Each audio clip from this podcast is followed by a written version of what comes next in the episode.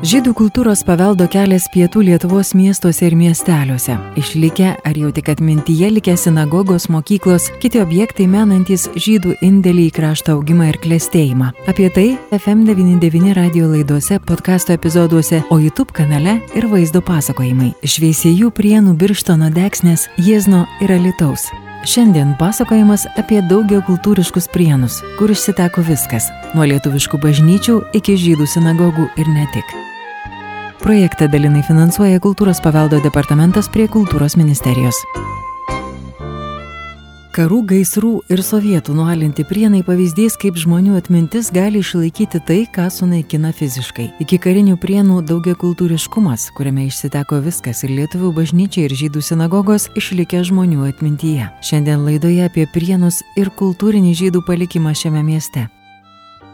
Prienų krašte žydai pradėjo kurtis jau XVI amžiuje. Laikui bėgant jų skaičius kito nuo vienos šeimos iki beveik 600 žydų šeimų XVIII amžiaus antroje pusėje. Pasakoja Prienų krašto muziejaus vyriausiai fondų saugotoja Ernesta Jutsnukytė.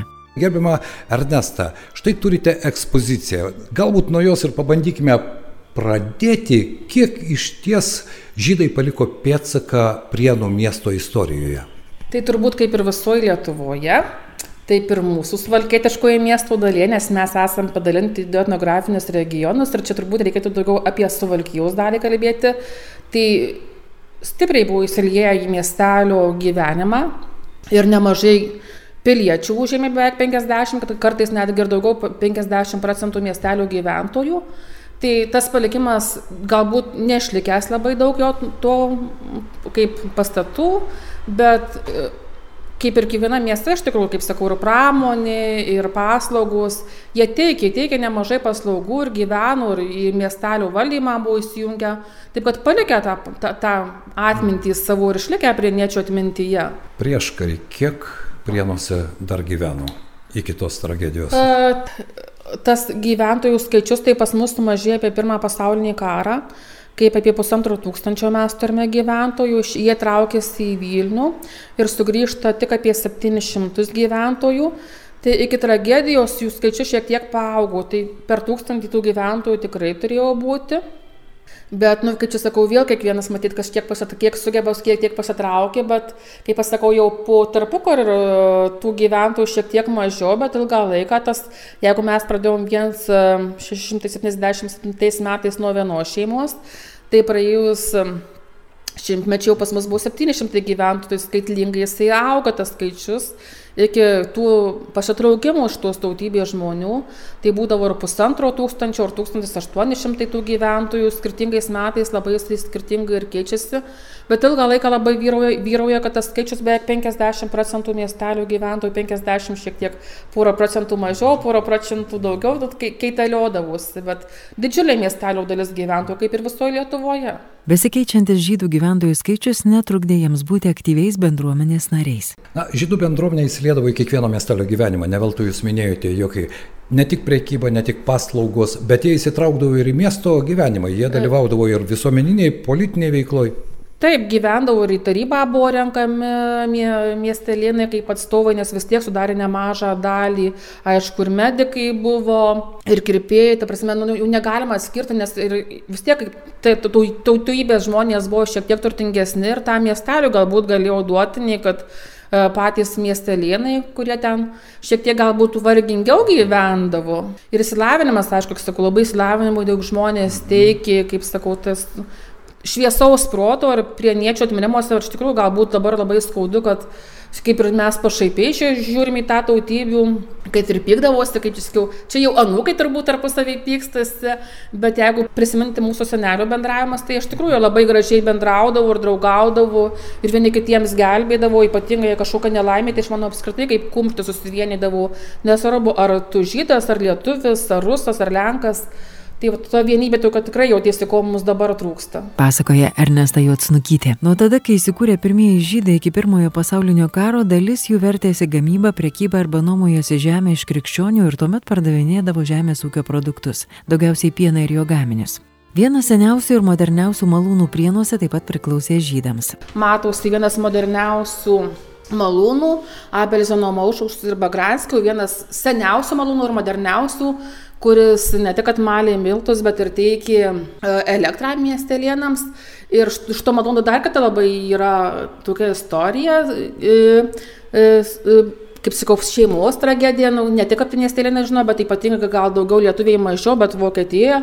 Tai būtent iš čia yra kilusi kompozitoriaus geisto žmona Lyda kurią miestelėnai prie pieno miestelių gyventojai ir būtent išgelbėjo. Tai, va. O patys žydai buvo įsikūrę, nors pasiskirstę pagrindė visame mieste gyveno, bet pagrindinė gatvė buvo, kurioje gyveno nepriklausomybės gatvė ir kita Brunsos gatvė, kurioje, kurioje gyveno. Nes čia miesto centras, turgaus aikštė, o kaipgi čia žydai be prekybos, ne, mes žemė ūkininkauti mažai, kurie gali nuomojasi žemės, tai kai čia sakau, perku, parduodu, tai ir kūrėsi tame mieste, kur kad arčiau savo krautuvę, ar kioskelį, ar kažką kitą veiklą galėtų vykdyti. Prienuose buvo tradiciškai nusistovėję trys turgaus dienos savaitėje, o žydai priekeiviai buvo vieni pagrindinių jų dalyvių. Na, o be, be Gransko malūno, kuris ir malė ir elektrą gamina, kokie dar objektai buvo prienuose? Tai ir Finkelšteino autobusų stotis Aleksandrų, e, ne visai žydams priklausė, bet fotografija, va, Čiaulių namų, tai tarkim stogą dengė tas pats mūsų Brauro savininkas Šakovas finansuoja.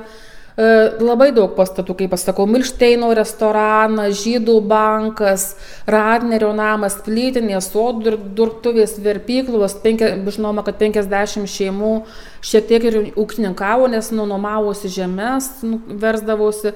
Tie verslai labai labai įvairūs, kaip sakau, ir lentpjūvės, nu, kas kuo sugebėjo, tas tuo vertėsi. Kaip sako, tarpukario ten pavarčios dokumentus, labai įvairios informacijos, gali klaidingai, bet mes imam vidurkį, kad prienuose veikia apie 120 krautuvių tarpukario, nu, statistiškai taip, nes vienur randam, kad virš 130, tai iš tikrųjų, kaip sakau, ir tik 10 krautuvių priklauso lietuviams, o visos kitos pagrindinė priklauso žydų tautybės, tai kaip aš ir šiandien, va dabar neseniai turėjau ekskursiją, sakau, pažiūrėkit iš tą namą. Štai šiame name veikia trys krautvės. Viskas, aišku, kad buvo trys, trejos durys, išsineždavo žydukas, kaip pasakau, stalą ir vykdavo prekyba. Ne, dabar mes matome tik tai langus. Tai va tie namai, kurie dar nerenovuoti, šiek tiek mus aiškiau tom durim, o bet kitur jau arba užkalti, matosi, kad langai užkaltas, arba tik tai langas paliktas. Jeigu kituose miesteliuose mes matome, kad uh, durys iš kampo, pas mus tiesiog tie, uh, tiesiai į gatvę išeina ne iš kampos, tiesiog gal, kaip sakau, dėl ploto, dėl projektavimo, ten vėl, kaip sakau, kai pradėjau kurtis, bet ir mūsų gatvėje mes matom tuos namus, kuriuose veikia tos krautuvės, ar krautuvės, ar verslai, paslaugas teikdavo.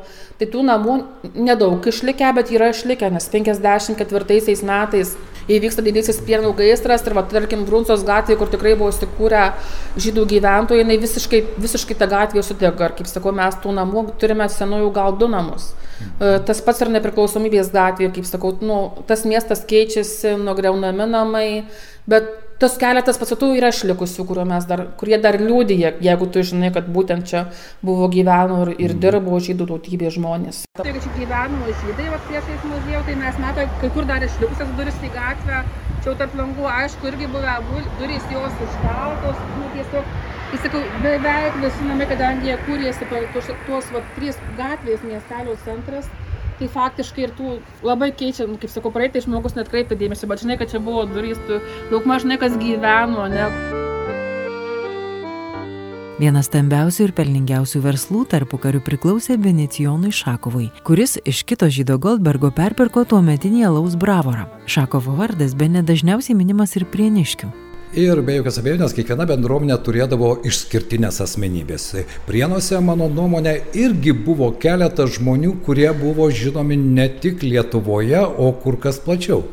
E, taip, buvo, mes turime savo tų žmonių iš tikrųjų nemažai, bet pačiuose prieniečių tai galbūt reikėtų išskirti kaip dar į apklausą nu, atidengėm atminimo akmenis, ką žydų tautybės įamžinti, tai iš tikrųjų prieniečiai nusprendė, kad reikėtų įamžinti šakovų šeimą kurie, kaip čia sakiau, galbūt prieniečiams davė ir iš jų valgį, bet jų gamyba, tiks, gaminiai tiksliau alaus produkcija keliavo ne tik vat, po Lietuvą visą, bet ir keliavo į Europos ambasadas, netgi buvo siunčiamas į Ameriką kaip pabandymui, kaip ypatingai aukštos kokybės salus. Ir tas buvo rodiklis, kad, kad šeima, būtent šitą šakovų šeimą ir tą šeimos tragišką likimą būtent prieniečiai labiausiai ir atsimena tokia kaip aš sakau gal vyrams kaip čia sakau moterys gal daugiau istorija bet vyrams tas alaus bravoras kaip čia sakiau visiem labai sužadina nes ir tas alaus bravoras skirtingais laikotarpiais ir skirtingai istorikai įvardina kad antras treč trečias pagal dydį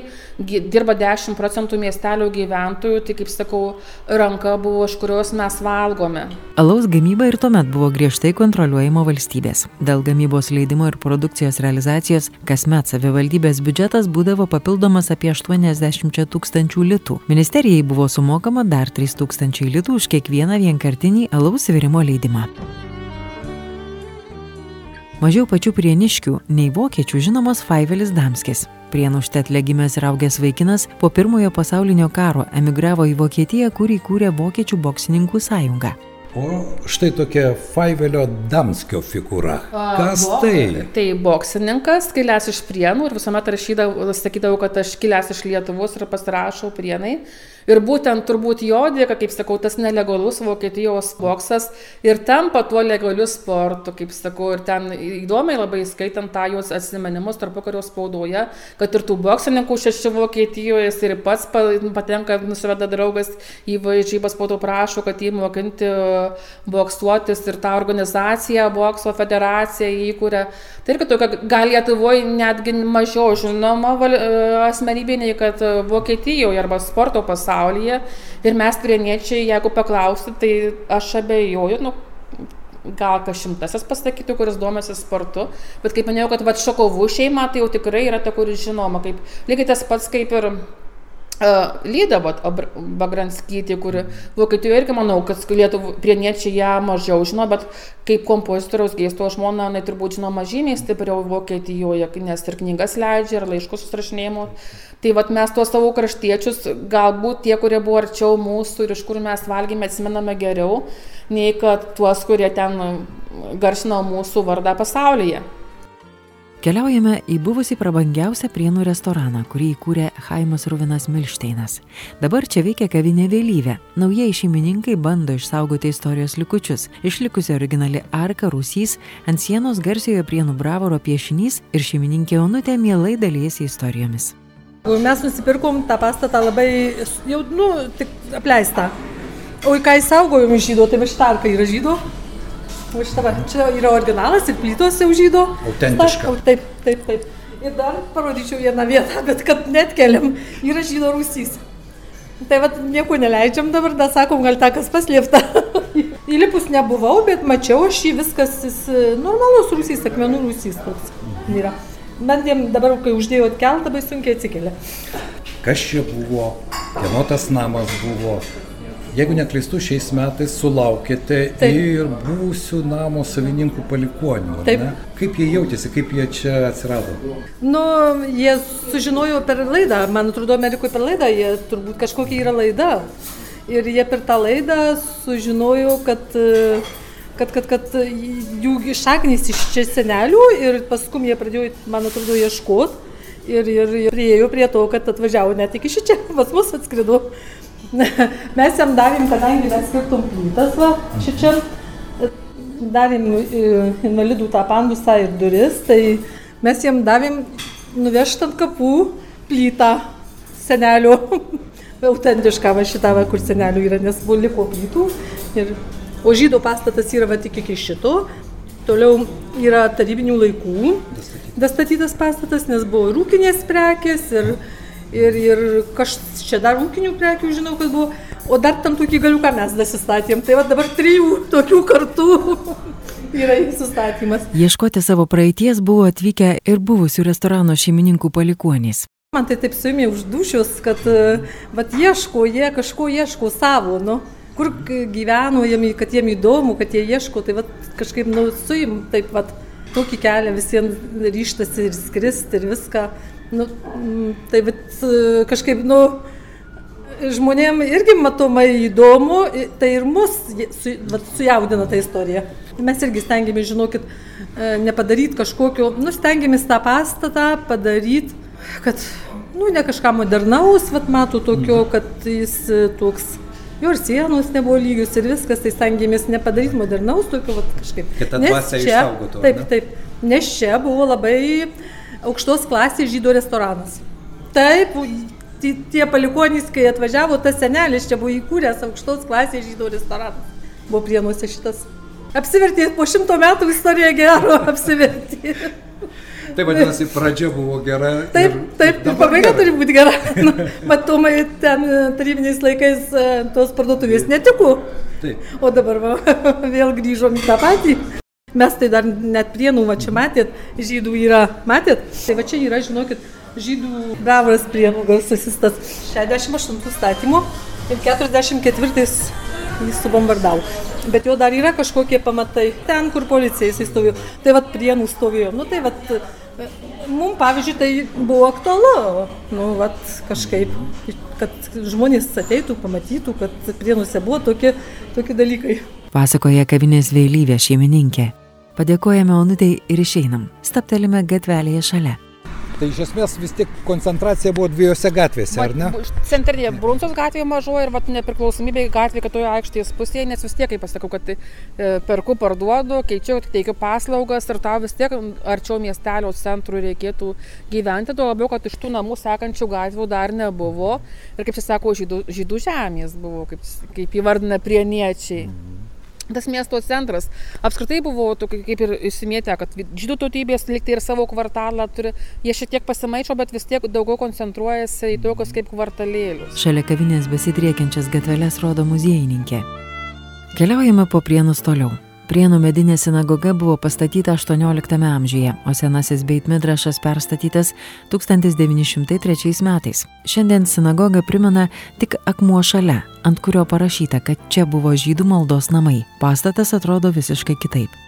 Ten, kur žydų bendruomenė, ten visada buvo galima surasti ir sinagogas. Prienuose, kiek žinau, buvo dvi sinagogos. Tai buvo dvi sinagogos, viena sinagoga išlikusi iki mūsų dienų, tiesa, jeigu nebūtų stendo, turbūt jau vargiai miestelio svečiai arba patys miesteliniai atpažintų, kad tai yra sinagoga, nes dabar būtent tuose patalpose yra gyvenamieji būtai įkurti.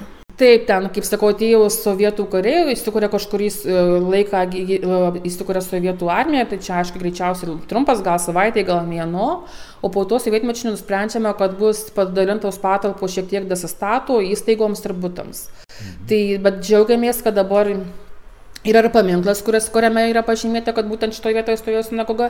Ir pats stendas, kaip ta sinagoga atrodė, kad pirniečiai galbūt, kurie net ir nežinoja, kad būtent buvo sinagoga, dar ir renovacijos to pastato šiek tiek matės ir arkos, tai net renovavus tas istorijos pėdsakai nunyksta.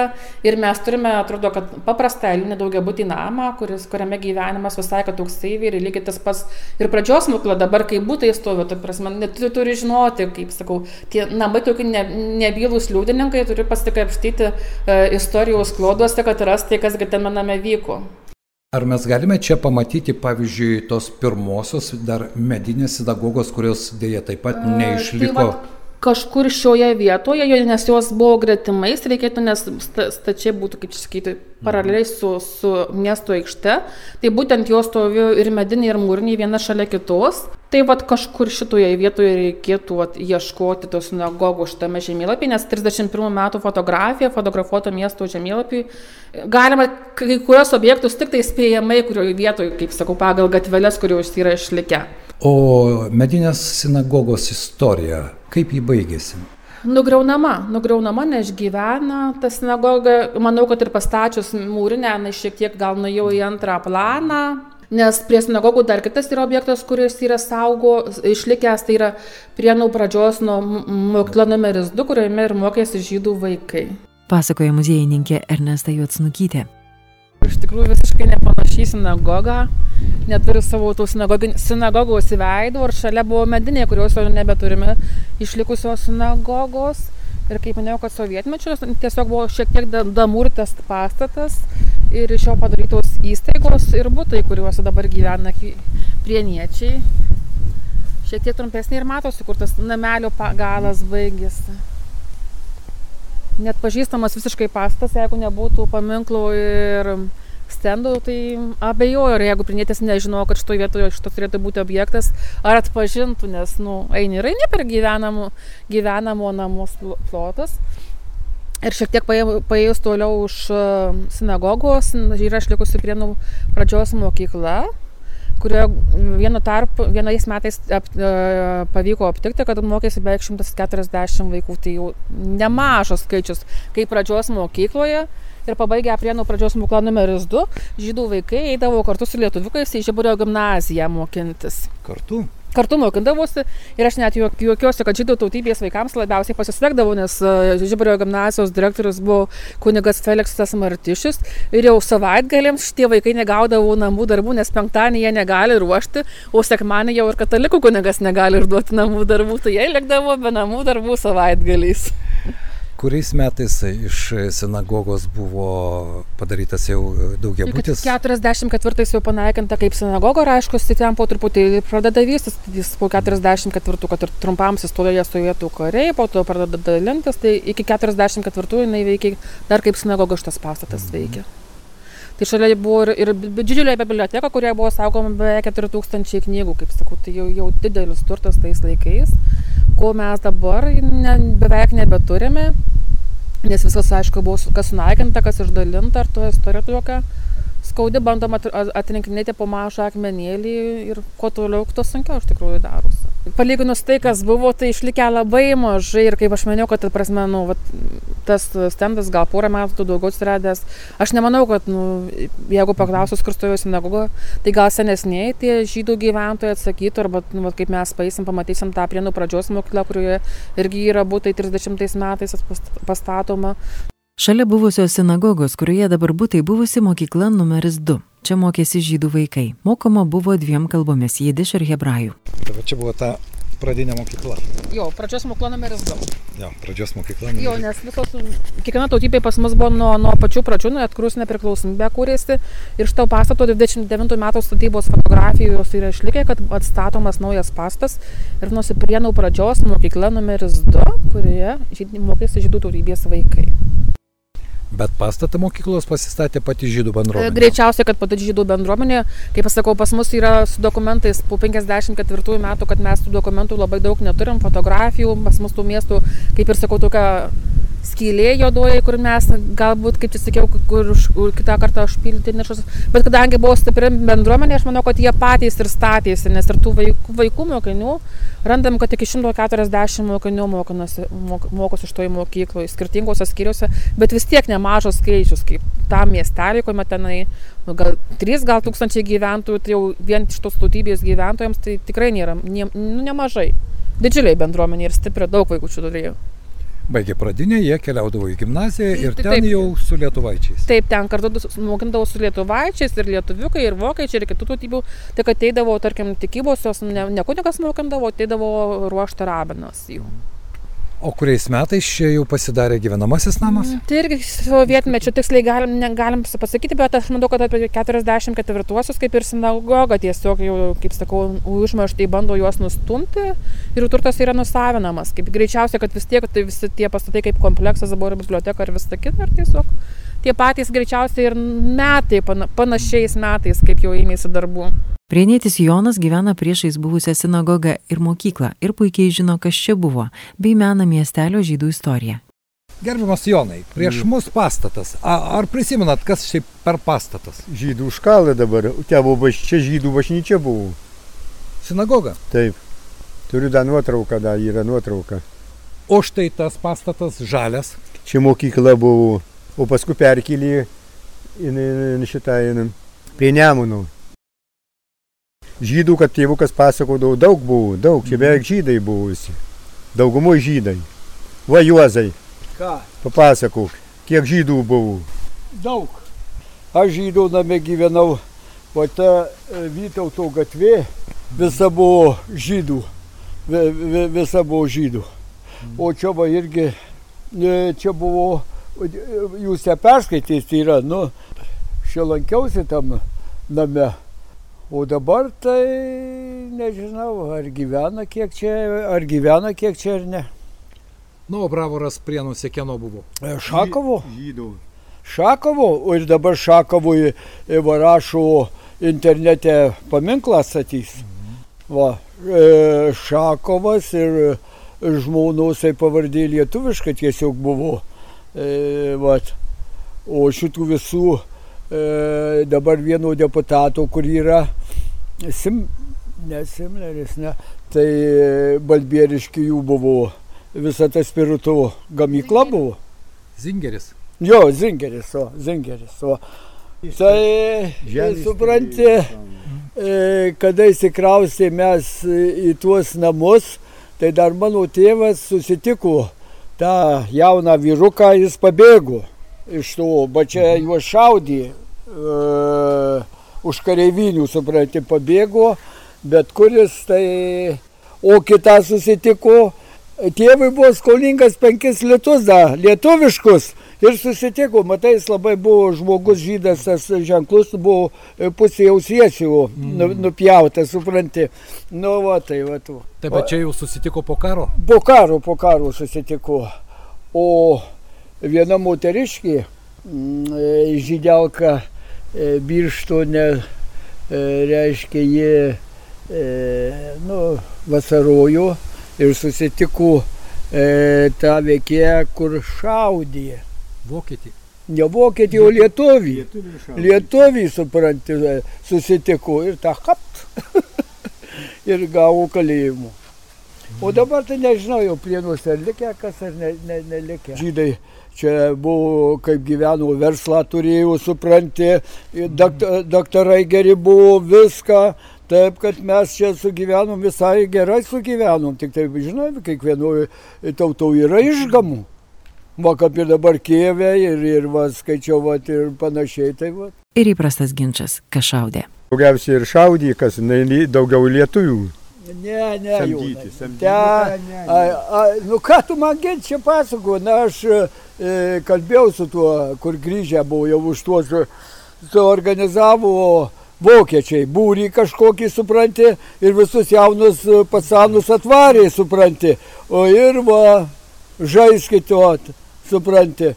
Man tėvukas pasakojo, kad daugiausia lietuviai iššaudė, bet jei netoli gyveno tėvukas, nu Kiek plintė. tada e, buvo Lietuvoje žydų plienuose, jei žinai, nu, kiek buvo? Reikia atsivežti man tik tai va, tuos A, laikraščius, tai aš kad turiu. vat Ką, čia iš nuogirdų tai, tai girdėjai. Nu, kaip beveik visi žydai. Na, bent pusę prienuose buvo, daugiau, ar ne? Daugiau.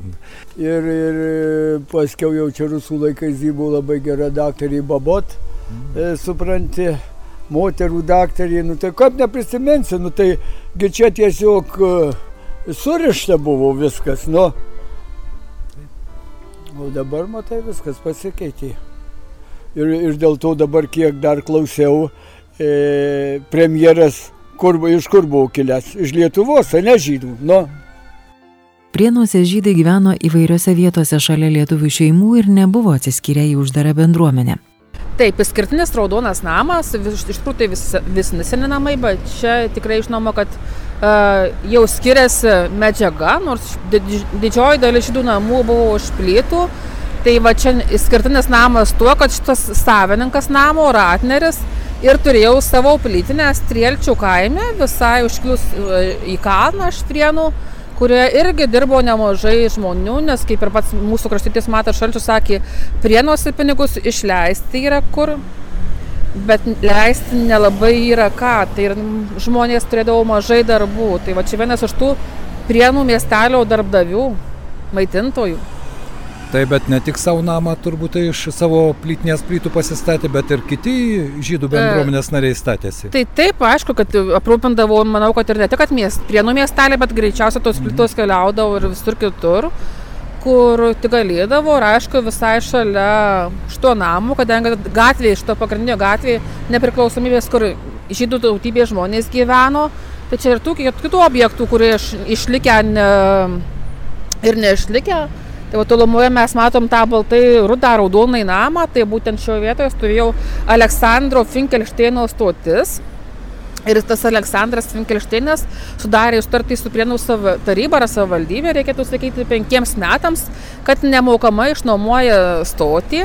Tik vienintelė sąlyga buvo, kad atvykę autobusai stos būtent naujojo autobusų stotyje o ir stovėjęs apie 20 minučių. Paslaptis tokia, kad toj stotyje Aleksandras buvo pasidaręs mažą krautuvytę. Ir sustojus tą pastovėjus, kad ir dešimčių, manau, kad kažko tai ar degtukų, ar laikraštukų kažko prireikdavo ir tas nuomos mokestis jam atsipirkdavo. Bet štai šis mūrinis pastatas išlaikęs ir balkonėlį savo ir praktiškai, Taip. ko gero, jis nepakitęs nuo pastatymo išskyrus stogą. Įskyrus tu, ką aišku, galbūt ir pakeisti langai duris, bet kodėl jis nepakaitė, todėl kad jis saugomas departamentų kaip objektas. Toks, taip. Važiuojame į vietą, kur žydai gyveno paskutinės savo dienas. Gražioje vietoje prie Nemuno stovintys kareivinių pastatai buvo tapę getu. 1941 metai tapo lemtingais visos Lietuvos, taip pat ir Prienų krašto žydams. Čia labai anksti prasidėjo žydų naikinimas. Kad, va, greičiausiai, kad čia ir buvo tas laikinasis getas, kuris iš tikrųjų, kaip čia sakau, 41 metų rūpjūčio viduriai pradėjo juos vežti čia, o jau 25 dieną prašo, kad leisti ir sunaik, sunaikinti, išvežti. Ir tą pačią dieną ateina atsakymas ir jau išvejami žydų tautybės žmonės kasti duobių o tos duobės čia visiškai netoli ir 26 metais e, mažomis grupelėmis juos veža ir labai kažkaip, kai pagalvoju, tai įsigilinti labai skaudu, nes turbūt tuo šūvis, nes kažkaip nie pusė kilometro nėra, tu eini ir tu žinai, kur tave veda, kur sušaudyti. Kas kažkiek, kas dešimt, kažkiek minučių juos išvesdavo iš čia. Tai vat mes tai pakankamai anksti savo žydų tautybės sušaudome prienuose žmonės. Bet e, visi tai buvo tik prienų gyventojai. Čia jie buvo. Vežė, vežė žinot, iš, iš aplinkinių miestelių, iš Birštono, mhm. Stakriškės, Jasnas e, ir iš Kauno, kaip primaišyti tų žmonių, kad mūsų sušaudimo vietoje 1078 žydų tautybės žmonės sušaudyti. 1941 metais rūpjūčio 27 dieną į Prienus atvyko pirmojo bataliono trečiosios kuopos būrys, vadovaujamas leitenanto Norkaus. Atvykus žudikų būriui vietiniai policininkai ir baltaraišiai žydus ėmė varyti į šaudimo vietą. Pagal Norkaus komandą šaudė trečiosios kuopos kareiviai. Vietiniai baltaraišiai saugojo žudinių vietą ir vedė pasmerktuosius prie griovio. Pati vieta įspūdinga. Prieš getą čia buvo kareivinės. Čia įsikūrė mūsų šiaip prienų lietuviškos kareivinės buvo, po to ilgą laiką buvo sovietų karių kareivinės, o dabar arba pastatai plėsti yra, arba žmonių būtai yra. Būtai arba įmonės, kaip pasakau, tas miestelis toksai saugomas kaip paveldinis, šiek tiek galbūt džiaugiamės, kad kažkurie pastatai atgimsta, tvarkoma aplinka, nes buvo ilgą laiką kažkaip gaila praeini ir kad nunyksta toksai istorinis objektas. Dabar, kad tos lietuviškos kareivinės tai ir netaip ilgai faktiškai ir laikėsi, tik tai porą metų, nes ateina antrojo pasaulinio banga ir kariai turi pasitraukti mūsų pulkai iš čia. Visa teritorija buvo beveik 23 hektarai, ta prasme, stipriai 37 metais pašventina kareivinės, o 39 metais jau turi trauktis, jie, kaip sakau. Bet čia mes turim kitą tokį simbolinį paminklą, kurį dabar atkūrė, kas čia paminklą, kaip sakau, kur labai džiaugiamės ir toksai istorinis simbolis irgi, kaip sakau, iki 54 metų, kas čia paminklas stovėjo ant sovietų kariuomenės tvoros. Po Prienus su Prienų krašto muziejaus muziejininkė Ernesta Jotsnukytė keliavo Liudas Ramanauskas. Jums pasakojo Vilija Kvedaraitė. Žydų kultūros paveldo kelias pietų Lietuvos miestuose ir miesteliuose. Išlikę ar jau tik atmintyje likę sinagogos, mokyklos, kiti objektai menantis žydų indėlį į krašto augimą ir klėstėjimą. Apie tai naujose FM99 radio laidose, podkasto epizoduose, o YouTube kanale ir vaizdo pasakojimai. Šveisėjų prienų birštono deksnės, Jiezno ir Alitaus. Projektą dalinai finansuoja Kultūros paveldo departamentas prie Kultūros ministerijos.